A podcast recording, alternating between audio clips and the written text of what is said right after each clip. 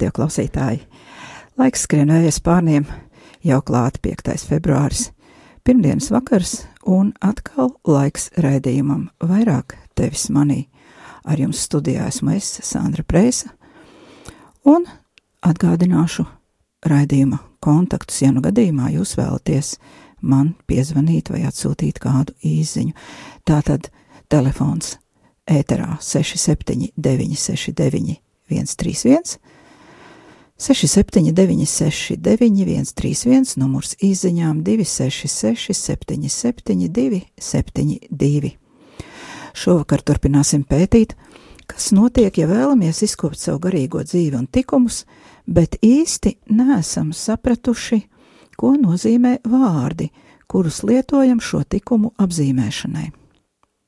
Turpināsim pētīt sakarību starp vārdiem pazemība, pazemošana, pazemošanās.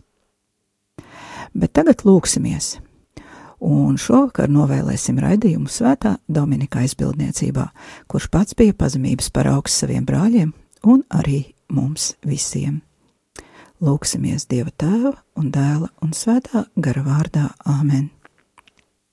O brīnišķīgā cerība, kur tu devi tiem, kas raudāja par tevi tavā nāves stundā, kad tu solīji, ka debesīs būsi vairāk noderīgs saviem brāļiem nekā virs zemes.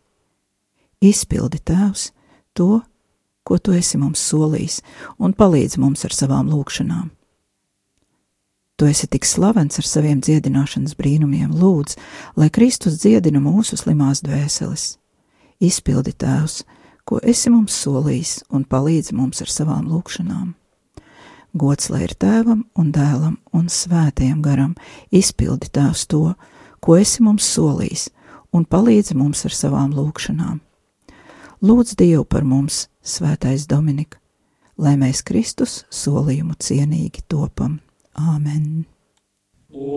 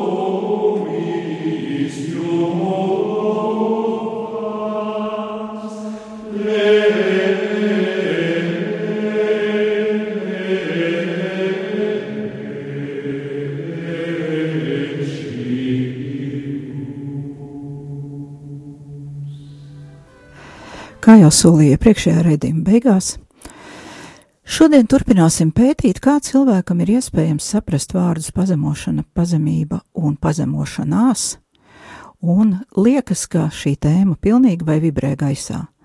Es šo tēmu iesāku, jo tā dabiski sekoju pār, pārdomām par pateicību. Taču nesen atklāju, kā par pazemību diskutē arī mani paziņas sociālajos tīklos, pilnīgi neatkarīgi no mana raidījuma.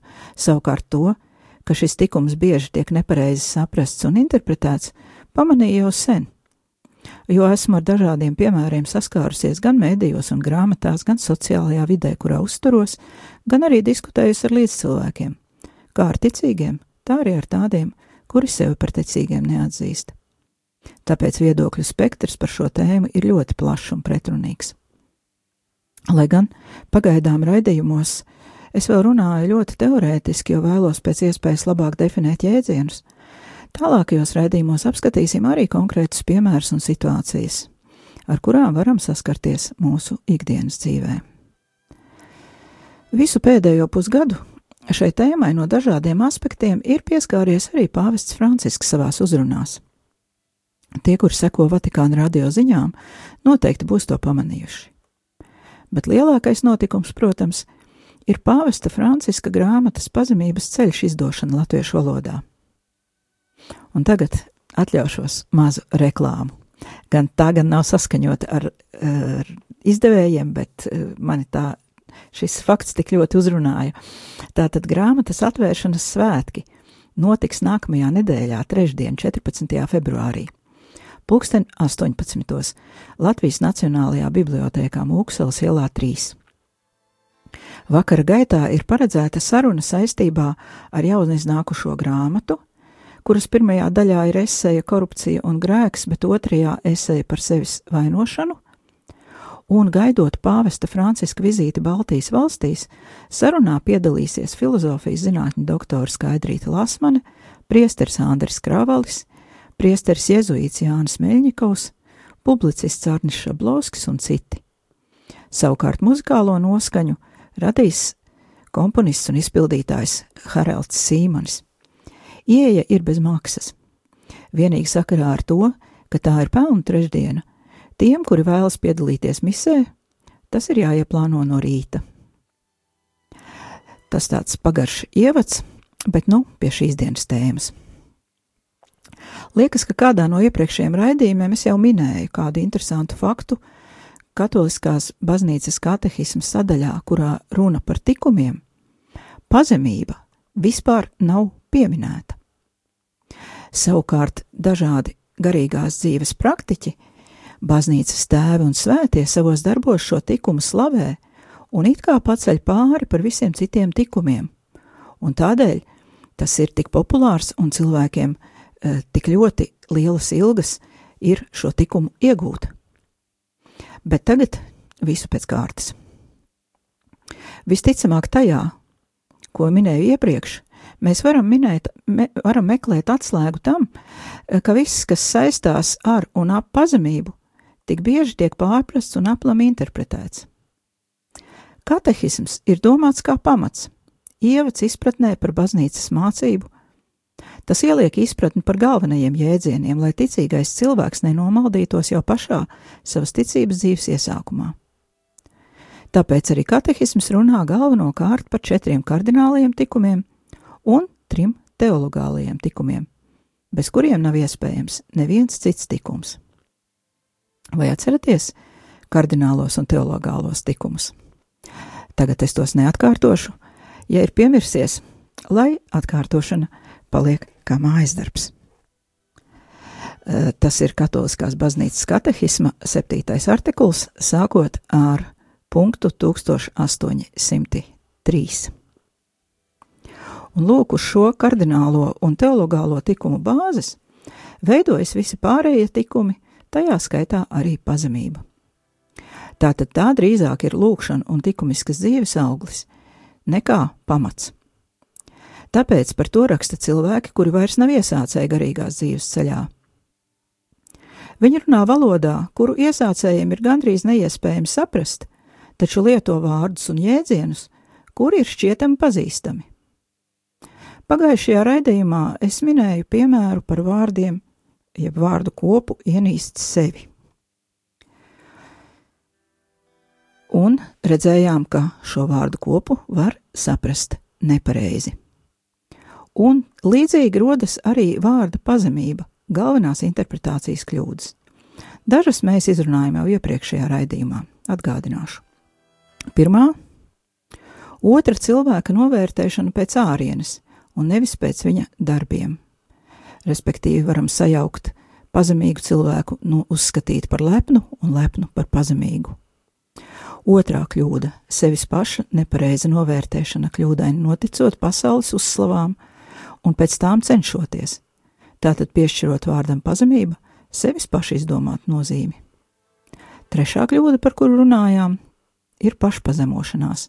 Tas ir pārmērīga askēze, nežēlība, pret sevi un saņemto dāvanu panicināšana, lai arī tā ir bez vēlmes saņemt par to uzslavas. Redzējām, ka šī trešā kļūda ir daudz bīstamāka, jo tā ir grūtāk pamanāma un skar cilvēku, kurš jau ir zināmā mērā uh, pieredzējušāks garīgajā dzīvē. Un tagad vēlos citēt pāvestu Francisku. Tas, kurš melo pats sev un klausa saviem meliem, nonāk tik tālu, ka vairs nespēja atšķirt patiesību ne sevī, ne sev apkārt, un sāk vairs necienīt ne sevi, ne citus. Tā kā viņš vairs nevienu neciena, viņš pārstāja mīlēt, un dzīvojot bez mīlestības, nododas zemiskām kārībām un baudām, un šo netikumu rezultātā kļūst kā mežonis. Bet tā visa iemesls ir nemitīga melošana komentējot šos vārdus, pāvests arī mudina pārdomāt to, kādas ir mūsu attiecības vienam ar otru un ar sevi. Un pāvestu attiecībā uz pazemību eh, komentē arī kāds priesteris, eh, kurš mudina pārdomāt to, kādas ir mūsu attiecības vienam ar otru un ar sevi. Viņš atgādina, ka pāvesta vēstījumā teikto, viņš atgādina pāvesta vēstījumā teikto, ka komunikācija cilvēku starpā ir būtisks līdzeklis cilvēku dzīvošanai komunijā. Un šeit, eh, kāpēc es šo citātu izmantoju, redzam, eh, ka šī te pašpazemošanās, eh, askēze un nežēlība Tāpat arī saņemto dāvanu panicināšana ir tiešā veidā šie meli, par kuriem runā pāvests. Eh, un tas ir citātu, citātu, citāts patiesībā, jo šeit tika citēts Dostojevskis. Lūk, taču, ja meklējam patiesību, tad mēs ātri vien spēsim atklāt paši savus melus un to visu izlabot. Tomēr eh, papētīsim, kāds ir kļūdu rašanās mehānisms un kāpēc tās vispār rodas. Mēs jau runājām, ka vārdam ir ļoti liels spēks, un dažādi cilvēki var to pašu vārdu vai jēdzienu saprast atšķirīgi. Iesācēji garīgās dzīves ceļā var pārprast jēdzienus, jo viņiem nav attiecīgās pieredzes. Katrs cilvēks savu izpratni pirmām kārtām balsta personīgajā pieredzē. Tā nu tas ir. Kļūdas rodas, ja paliek pie šīs pieredzes un nemeklē tālāk. Savukārt otrs kļūdu rašanās iemesls ir visumā it kā pozitīvs - iesācēja dedzība. Šī dedzība liek cilvēkam meklēt atbildes, bet bieži vien tā iet roku rokā ar nepacietību. Cilvēkam ir tik milzīga vēlme progresēt garīgajā dzīvē, līdzināties kādam svētajam, vai vismaz savam garīgajam vadītājam, vai kādam par ļoti garīgu uzskatītam cilvēkam, priesterim, klostermāsai, lūkšana grupas vadītājam, ka šajā nepacietības radītajā iekšējā troksnī cilvēks pats vairs nesadzird dieva kluso balsi un sāk rīkoties savā spēkā. Ja kāda situācija vai persona tādu cilvēku neaptur, augļi var būt visai bēdīgi. Patiesība par garīgo dzīvi ir tāda pati, kāda tā ir par jebkuru procesu dabā. Nevar plūkt augļus, ja koks vēl nav pat uzziedējis. Visam ir vajadzīgs laiks, bet laika valdnieks ir Dievs. Viņš ir tas, kurš dod sauli un agro un vēlo lietu, kā saka svētie raksti. Un zinām, ja mēs ar pirkstiem mēģināsim pirms laika atplēst vaļā rozes pumpuru, diez vai mēs rezultātā iegūsim veselīgu un skaistu ziedu. Vai gribat pamēģināt?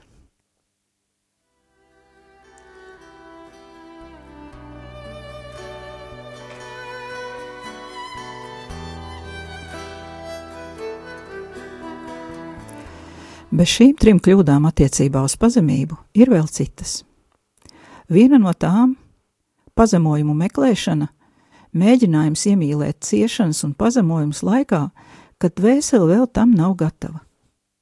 Lūk, ko par to saka svētā Terēza Benedikta no Krusta, jeb Edīta Steina. Kristus ciešanas un nāve turpinās viņa mistiskajā miesā un ikvienā tās loceklī. Jācieš un jānomirst ir katram cilvēkam. Bet, ja viņš ir dzīves loceklis Kristus miesā, tad viņa ciešanas un nāve caur galvas dievišķību saņem atpestījošu spēku. Tas ir objektīvais pamats, kāpēc visi svētie ir vēlējušies ciešanas. Bet uzmanību! Tas nenozīmē pretdabisku vēlmi ciest. Citāta beigas. Savukārt pāvests Francisks šajā sakarā runā par diviem kārdinājumiem. Pirmais citēju: Kristus bez krusta ir nekas vairāk kā skolotājs. To varbūt neapzinoties meklēja arī Nikodējums. Tas ir viens no kārdinājumiem. Jā, Jēzus ir labs skolotājs, bet bez krusta. Citāta beigas. Redzam, ka tas izriet no lasītāja un klausītāja pieredzes, kuram liekas, ka viņš var visu sasniegt ar saviem spēkiem. Nākamo kārdinājumu pāvests nosauc skarbā vārdā par garīgo mazohismu. Citēju. Otrais kārdinājums - krusts bez Kristus, bailes palikt grēka nospiestiem un bez cerības. Tas ir sava veida garīgais mazohisms, norādīja pāvests. Tikai krusts bez cerības, bez Kristus. Tas būtu traģēdijas noslēpums. Un uzsvēra, ka krusts taču ir mīlestības noslēpums. Tas ir kaut kas cēls, Svētais Tēvs aicināja mūs mazliet apklust un uzdot sev jautājumu: Vai krustā iztais Kristus man ir mīlestības noslēpums? Vai es nesakoju Jēzum bez krusta, kurš būdams garīgais skolotājs sniedz mierinājumu un labus padomus? Vai arī, varbūt es nesu krustu bez Jēzus, tādējādi vienmēr žēlojoties? Vai protu izdzīvot šo Kristus krusta noslēpumu? Francisks novēlēja, lai kungs dāvā mums savu žēlastību, ja nesaprast, tad vismaz ieiet šajā mīlestības noslēpumā, jo tad arī kaut ko sapratīsim ar sirdi, ar prātu un ar visu savu būtni. Citāta beigas. thank you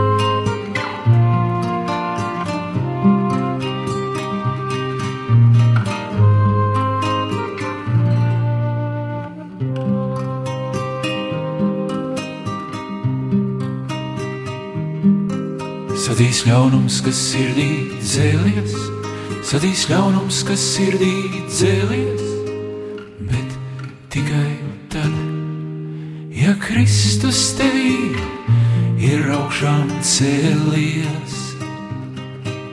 Ja Kristus tevī ir augšām cēlies.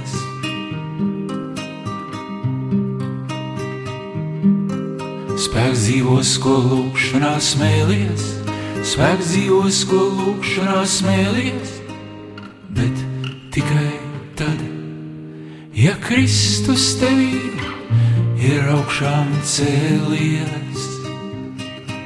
Ja Kristus tevī ir augšām cēlies.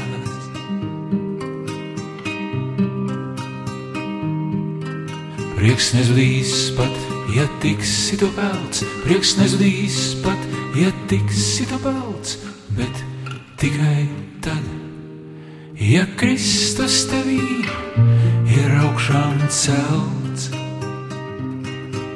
Ja Kristus tevī ir augšām celts.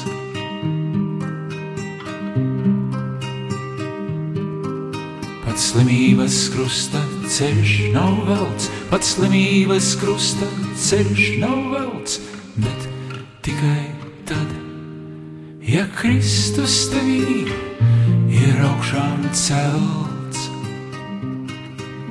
Ja Kristus tevī ir augšām celts.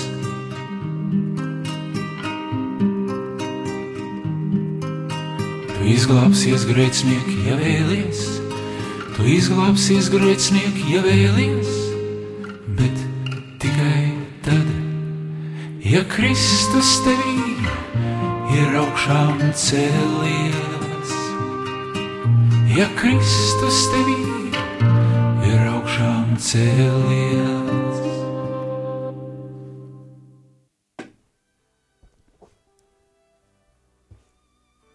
Lūk, arī dziesma par to pašu, ka mēs varam saprast krusta mīlestības noslēpumu tikai tad, ja Kristus mūsos ir augšām cēlies. Bez tā mēs varam iekrist šajā garīgajā mazohismā, kā par to runā pāvests. Bet nākamā kļūda, kurai vēlētos pievērsties, ir tāda, kura var nest visdažādākās sekas. Eh, Tas ir mēģinājums saprast garīgus tekstus ārpus eh, konteksta, ārpus tekstuālā konteksta, ārpus garīgās dzīves konteksta vai ārpus eh, kādu mm, saistītu faktu konteksta. Un kā piemēru vēlos tagad nolasīt vienu citātu no pāvesta, tad drusciņi nopauzēsim, padomāsim, kā mēs to sapratām, un pēc tam e, paskatīsimies kontekstu. Tātad ieklausīsimies uzmanīgi pāvesta vārdos un padomāsim, kā mēs tos uztveram tieši šajā brīdī. Citēju: Pazemība nozīmē būt mazam, kā asnam, kas aug katru dienu un kuram ir vajadzīgs svētā gara spēks, lai varētu iet uz priekšu un sasniegt savas dzīves pilnību. Kāds varbūt domā, ka būt pazemīgam nozīmē būt labi audzinātam, pieklājīgam, turēt ciet acis lūkšanas laikā. Nē, tā nav pazemība. Bet kā es varu zināt, vai esmu pazemīgs? jautā Francisks. Un pats atbild: Ir viena zīme, tikai viens signāls, proti, spēja pieņemt pazemojumus. Pazemība bez pazemojuma pieņemšanas nav pazemība. Pazemīgs ir tāds vīrietis un tāda sieviete, kas pieņem pazemojumus, kā tos pieņēma Jēzus, kas bija pazemots un ļoti dziļi pazemots. Uzrunas noslēgumā pāvests aicināja ticīgos sargāt mazo atosi un nebaidīties pieņemt pazemojumus. Tas nav viegls ceļš, bet tas ved uz dzīves pilnību.